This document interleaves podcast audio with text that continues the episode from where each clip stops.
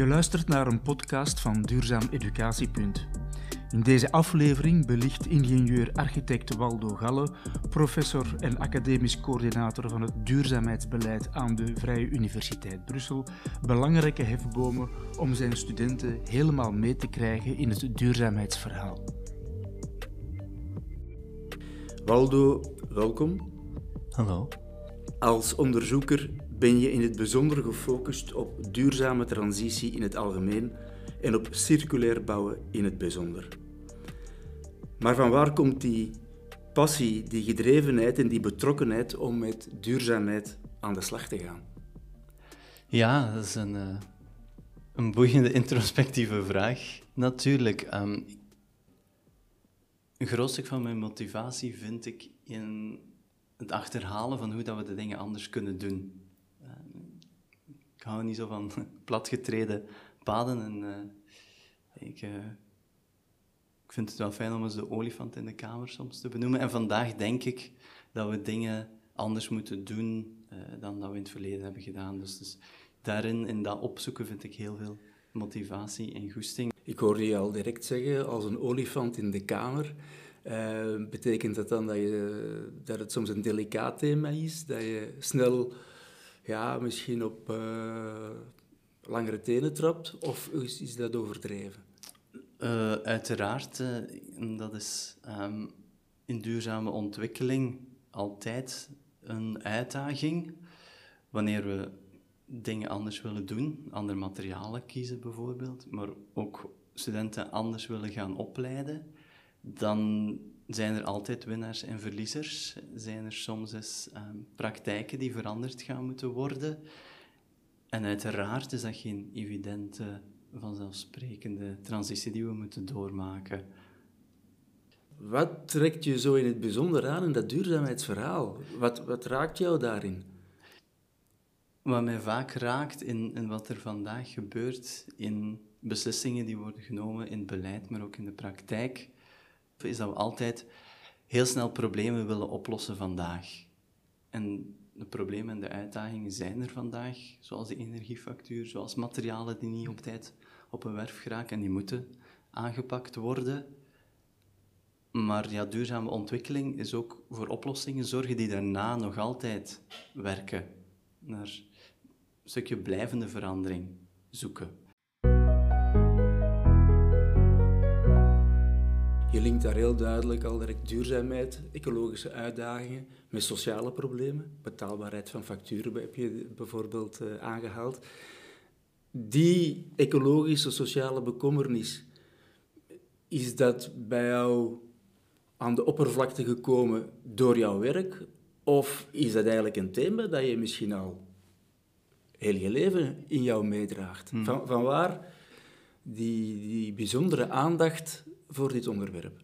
Ik moet, moet heel eerlijk zeggen dat mijn, mijn gedrevenheid voor duurzame ontwikkeling uh, niet per se een is uit, uit empathie met de natuur, bijvoorbeeld. Of zo. Ik zie enorm graag en ik apprecieer bijzonder uh, de waarde van onze natuurlijke omgeving. ik snap heel goed wat het belang daarvan is. Um, maar het is ja, vooral vanuit, vanuit een soort gedrevenheid en verantwoordelijkheidszin, denk ik. Eh, Welke verantwoordelijkheid? Uh, de verantwoordelijkheid ten opzichte van de toekomstige generaties, uiteraard. Dat de dingen die we vandaag oplossen geen problemen van morgen worden. Mhm. Voel je je verantwoordelijk? Ja. Heel erg? Ja. ja, absoluut. Ik denk... En dat is ook waar het persoonlijk dan in mijn leven eh, binnengekomen is, is tijdens mijn opleiding als ingenieur-architect vrij snel toen de vraag aan bod kwam van ja, wat gebeurt er met een gebouw nadat het gezet is? Want als ontwerper, als architect zijn we bezig met welke materialen kies je, welke vorm geef je gebouw, waar zet je het? En dan maak je de beste beslissing op basis van de eisen van de opdrachtgever. Maar dan stopt het wel. Wat dat er daarna gebeurt, hoe snel een gebouw oud wordt, wat dat ervoor gaat zorgen dat het leeg komt te staan, wat dat de trigger zal zijn om een materiaal weg te gooien, dat houden we veel te weinig, of daar houden we veel te weinig rekening mee tijdens het tekenen, tijdens het ontwerpen, tijdens het berekenen van gebouwen. Maar ja, die verantwoordelijkheid van wat gebeurt er nadat wij weggaan, nadat we vertrekken met een gebouw, ja, dat ja, kan ik niet aan voorbij gaan aan die vraag. En hetzelfde geldt voor met de planeet. Want als wij hier vertrekken, wat gebeurt er dan met de planeet? Is het echt een en-en-en verhaal? Van, ja, ene keer dat dat gebouw daar staat, is het de vraag van wat gebeurt daarmee? Of met andere woorden, hoe gaan de mensen er gebruik van kunnen maken, mogen maken? Is het een duurzaam gebouw vanuit ecologisch perspectief? En ten derde is het uh, economisch bekeken ook een duurzaam gebouw. Gaat het zijn kostprijs op termijn echt wel opleveren? Nee, ik denk dat de triple P van duurzame ontwikkeling, people, planet en prosperity, dat we die niet los kunnen koppelen van elkaar. Dus ook in alle uitdagingen, of het gaat over de energiefactuur, over de materialen schaarste, over klimaatverandering, moeten we vooral kijken naar de samenhang van de dingen, omdat daar ook vaak plaatsen zijn waarop dat we nieuwe samenhang kunnen creëren. En dat is echt systeemdenken uh, waar we van gebruik maken in ons onderzoek en, en ook de studenten proberen in, uh, eenvaardig te maken. Die studenten pikken ze het vlot op. Als je die duurzame kwaliteiten naar voren schuift, blijf je echt nog vaak op je honger zitten van moeten we dit nog allemaal duiden en uitleggen? Wat we voelen is dat studenten zeker gevoelig zijn voor grote uitdagingen, omdat zij nog meer met die tijdsdimensie, met die verandering bezig zijn. Hè. Ze zijn hier het jongst en zij gaan nog het langst moeten meegaan. En ze zijn duidelijk ook goed geïnformeerd. Dus, dus dat, dat, dat is zeker. Ze zijn er gevoelig uh, voor, voor de grote uitdagingen. Wat wij vooral proberen te doen, is ze vaardig te maken om er iets aan te doen. Om acties te nemen, acties te organiseren. Uh, en dan bedoel ik geen, geen protestacties, hè, maar zelf op een andere manier gebouwen ontwerpen. Zelf op een andere manier naar financiering zoeken voor bepaalde projecten. Zelf nieuwe vormen van leren soms uh, instellen of zich organiseren in VZW's. Ik ben blij om dat te horen, dat er toch wel duidelijk een, een, een automatische duurzaamheidsreflectie is bij studenten. En daarin proberen we ze te ondersteunen door bijvoorbeeld modellen aan te reiken, uh, maar ook een aantal vaardigheden, zoals echt authentiek luisteren naar elkaar en proberen non-judgy uh, naar, tegenstanders uh, te luisteren, te proberen begrijpen. Maar ook heel praktische modellen, zoals het ijsbergmodel. Een model dat eigenlijk toelaat om onder het waterniveau te duiken en te begrijpen waarom dingen er echt uitzien zoals ze er vandaag uitzien. Boven het water van het ijsbergmodel zie je feiten, dingen die, zich gebeuren, dingen die gebeuren. Want ik ben met de fiets gekomen, jij bent met de trein gekomen. Onder het waterniveau zit een reden, zitten veel redenen waarom dat we dat hebben gedaan. Een aantal dingen, net onder het waterniveau, zijn heel praktische dingen. De trein rijdt relatief op tijd. Het wordt steeds veiliger om in Brussel te fietsen zijn een aantal dingen die vertellen over hoe dat we onze maatschappij organiseren, ontwerpen, in elkaar steken. Dat gaat voorbij de feiten. Als we nog dieper onder het water duiken, dan vinden we veel meer persoonlijke motivaties. Ik vind het fijn om te fietsen. Het helpt mij om mijn gedachten te structureren. Misschien vind jij het fijn om op de trein te zitten in plaats van in de auto. Dus het ijsbergmodel helpt ons eigenlijk met te kijken, oké, wat zijn de echte redenen waarom de dingen gebeuren zoals ze vandaag gebeuren?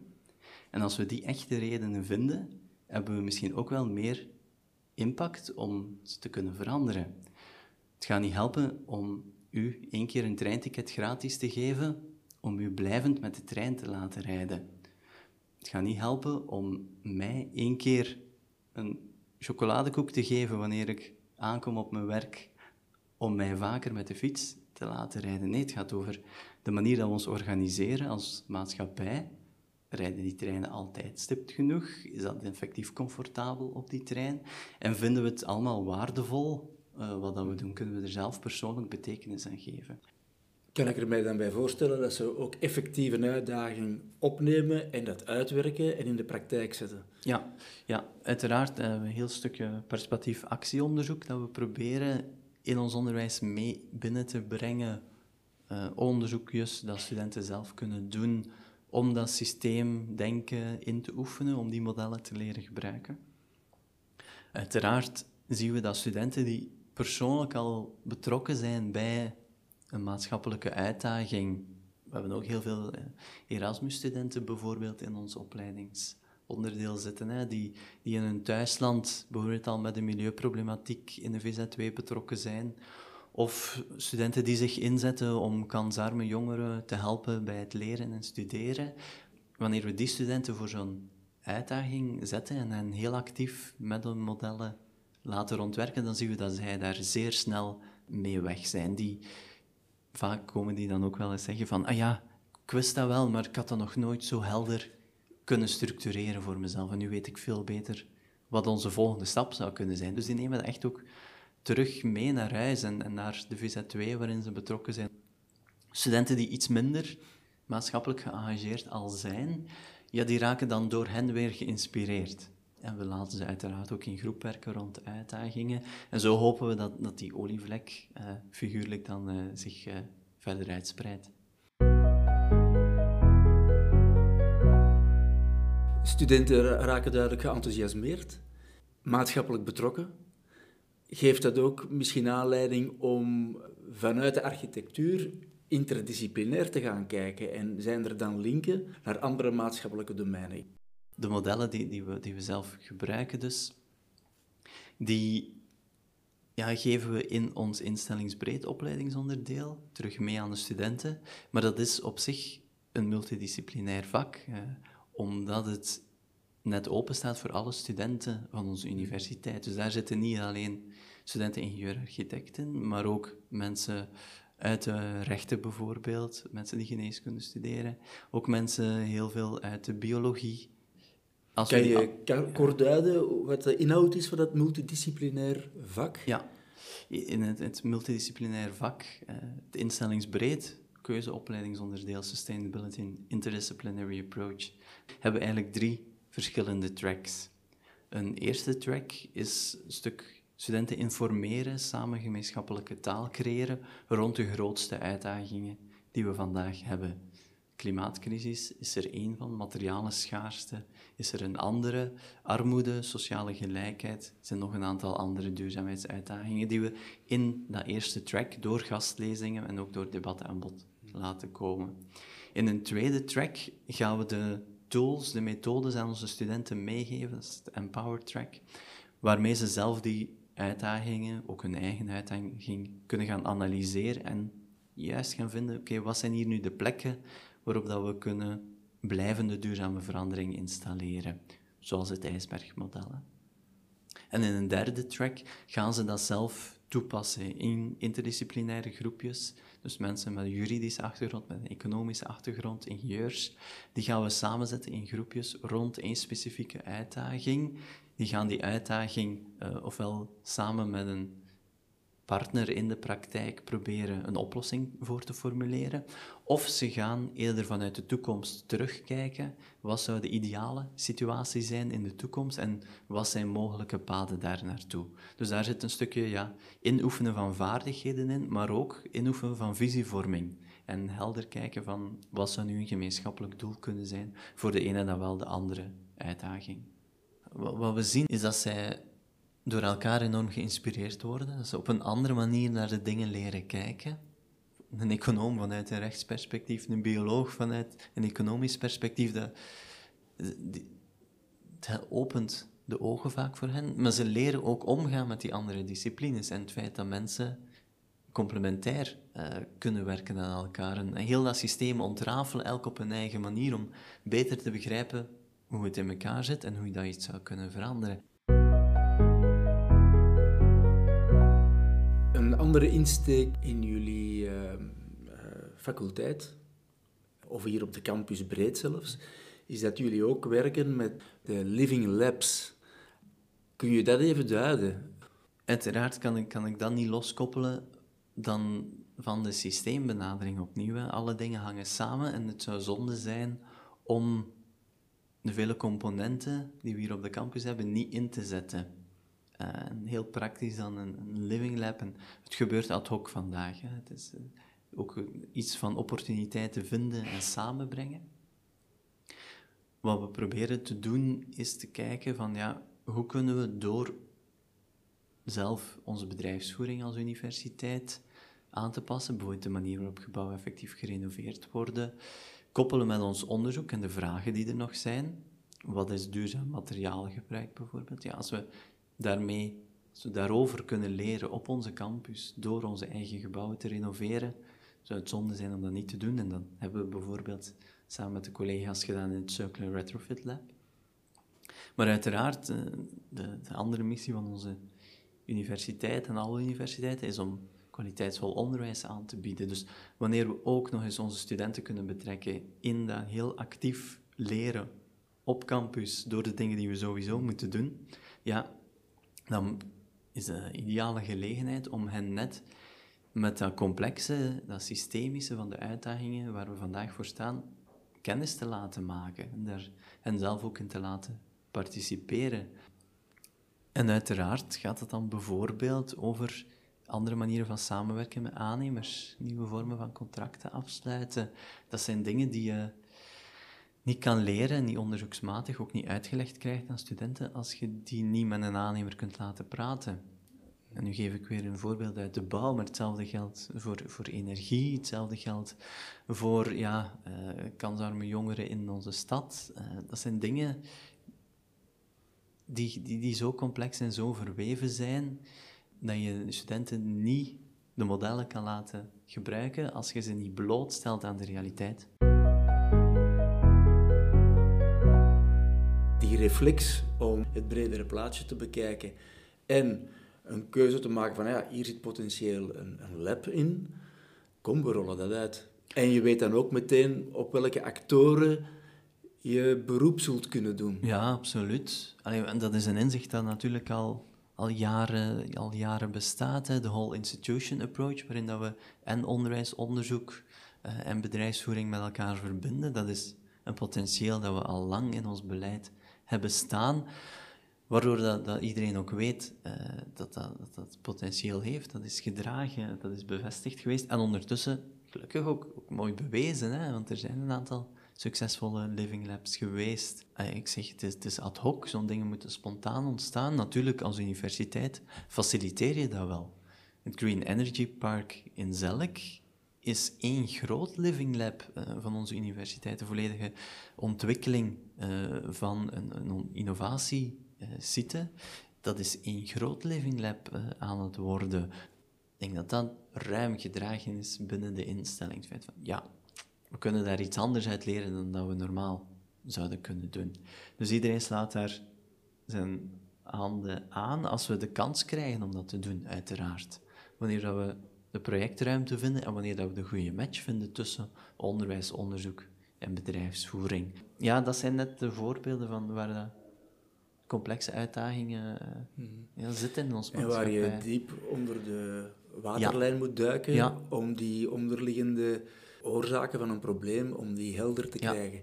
Het dient één aspect van onderwijs en onderzoek, dat is net die complexe problemen aanpakken, die, die wicked problems aanpakken en die systeemkijk daarin brengen. We hebben ook andere delen van ons onderwijs en onderzoek die veel meer feitelijk gebaseerd zijn, die veel meer op vertrouwde methodes en modellen kunnen gaan eh, rekenen. Het hoeft niet alles te vervangen. Deze aanpak vraagt eh, veel creativiteit, flexibiliteit, veerkracht van mensen. Wat zijn volgens jou nog hefbomen die nog te veel ontbreken om die processen gangbaar te houden, maar ook om die processen nog te versterken? Ja, wendbaarheid verwachten we ook van elkaar, hè? zeker vandaag. Iets waar, waar ik enorm um, zelf veel, veel sterke en nieuwe ideeën uithaal, is in overleg is in een cultuur van met elkaar praten, van met collega's praten, vragen wat doet jij en, ah, maar ik heb, en dan komen oplossingen spontaan, maar ah, ik heb dat en ah, doet jij dat ook en uh, kent jij die partner en iets in de landbouw of iets in de bouw of uh, iets over de natuur en dan, allez, het is door, door vooral met elkaar te praten dat en heb je voldoende tijd om met Daar, daar komt dan inderdaad de grote bezorgdheid eh, die ik er wil aan koppelen. Vandaag is, is ons universitair landschap, net als elk ander landschap, zeer competitief, waardoor dat we heel veel tijd investeren in projecten die nog moeten komen of nooit zullen komen. Ja, we weten uit, uit onderzoek van de collega's van het Centrum voor Duurzame Ontwikkeling in Gent dat die competitie een van de grootste drempels is om effectief creativiteit, nieuwe ideeën binnen te laten in ons onderwijs en ons onderzoek. En daar ben ik bezorgd op en denk ik dat we als, als universitaire gemeenschap waakzaam voor moeten blijven dat die competitie niet verlammend wordt. Ik kan me inbeelden, op een bepaald moment komen er ook wel eens onder de studenten of onder de docenten waarschijnlijk ook wel, ook wel eens ideologische kwesties om de hoek kijken. Want als het gaat over betaalbaarheid en transitie van manier van wonen, transport, ruimtegebruik, hoe vang je dat daarop? Ja, en effectief, dat zijn dan dingen waar studenten vaak nog niet aan gedacht hebben. En waar dat de ene zegt van, ja, nee, nee, er moeten subsidies komen, de overheid moet naar voren treden. En de ander zegt, ja, maar het gaat over die ene bouwvakker, die moet beter leren met welk materiaal dat hij aan het werken is. En daar zie je, zie je effectief wel grote verschillen ontstaan in hoe dat mensen kijken naar hoe dat we ons organiseren als maatschappij. Moet de politiek het allemaal doen? Mhm. Of gaan we zelf allemaal een stukje een andere praktijk moeten hanteren, dingen anders doen, dingen anders waarderen? Hoe faciliteer je dat in, in, een, in een context van een vak of een werkcollege? Dat is door ja, een aantal van die basisvaardigheden die met het systeemdenken meekomen in de praktijk te brengen. Hè? Leren authentiek luisteren naar elkaar, in plaats van te oordelen, eerst begrijpen bijvoorbeeld. Leren feedback en argumenteren op een niet geweldige manier, maar feitelijk, uh, heel, heel, heel correct en concreet. Zorgt ervoor dat we een, ook een eerlijk en een veilig debat kunnen voeren tussen, tussen de studenten. Waldo, ik denk dat dat ook een mooie afronding is van, van, van dit gesprek. En uh, met een uh, sterk appel en naar de docenten die dat begeleiden en de studenten die die uitdagingen moeten kunnen zien en daarmee aan de slag gaan. En duidelijk ook in een context van respect voor elkaar, want er komt een, uh, een levensfilosofie bij kijken. Naast alle technische, methodologische, maar zelfs ook ja, politieke uitdagingen, beleidsuitdagingen en keuzes die daarmee verbonden zijn. Zeker. Heel erg bedankt om dat hier zo helder te duiden. Graag gedaan. En eh, veel succes met de, met de lopende projecten en met de nieuwe projecten die er ongetwijfeld gaan aankomen. Dankjewel, we gaan uh, ons amuseren. Voilà, dat is heel belangrijk. Je luisterde naar een gesprek met Waldo Galle, professor en academisch coördinator van het duurzaamheidsbeleid aan de Vrije Universiteit Brussel. Meer boeiende getuigenissen van lectoren en docenten die met duurzaamheidseducatie aan de slag gaan, vind je op de website van duurzaameducatie.hogeronderwijs.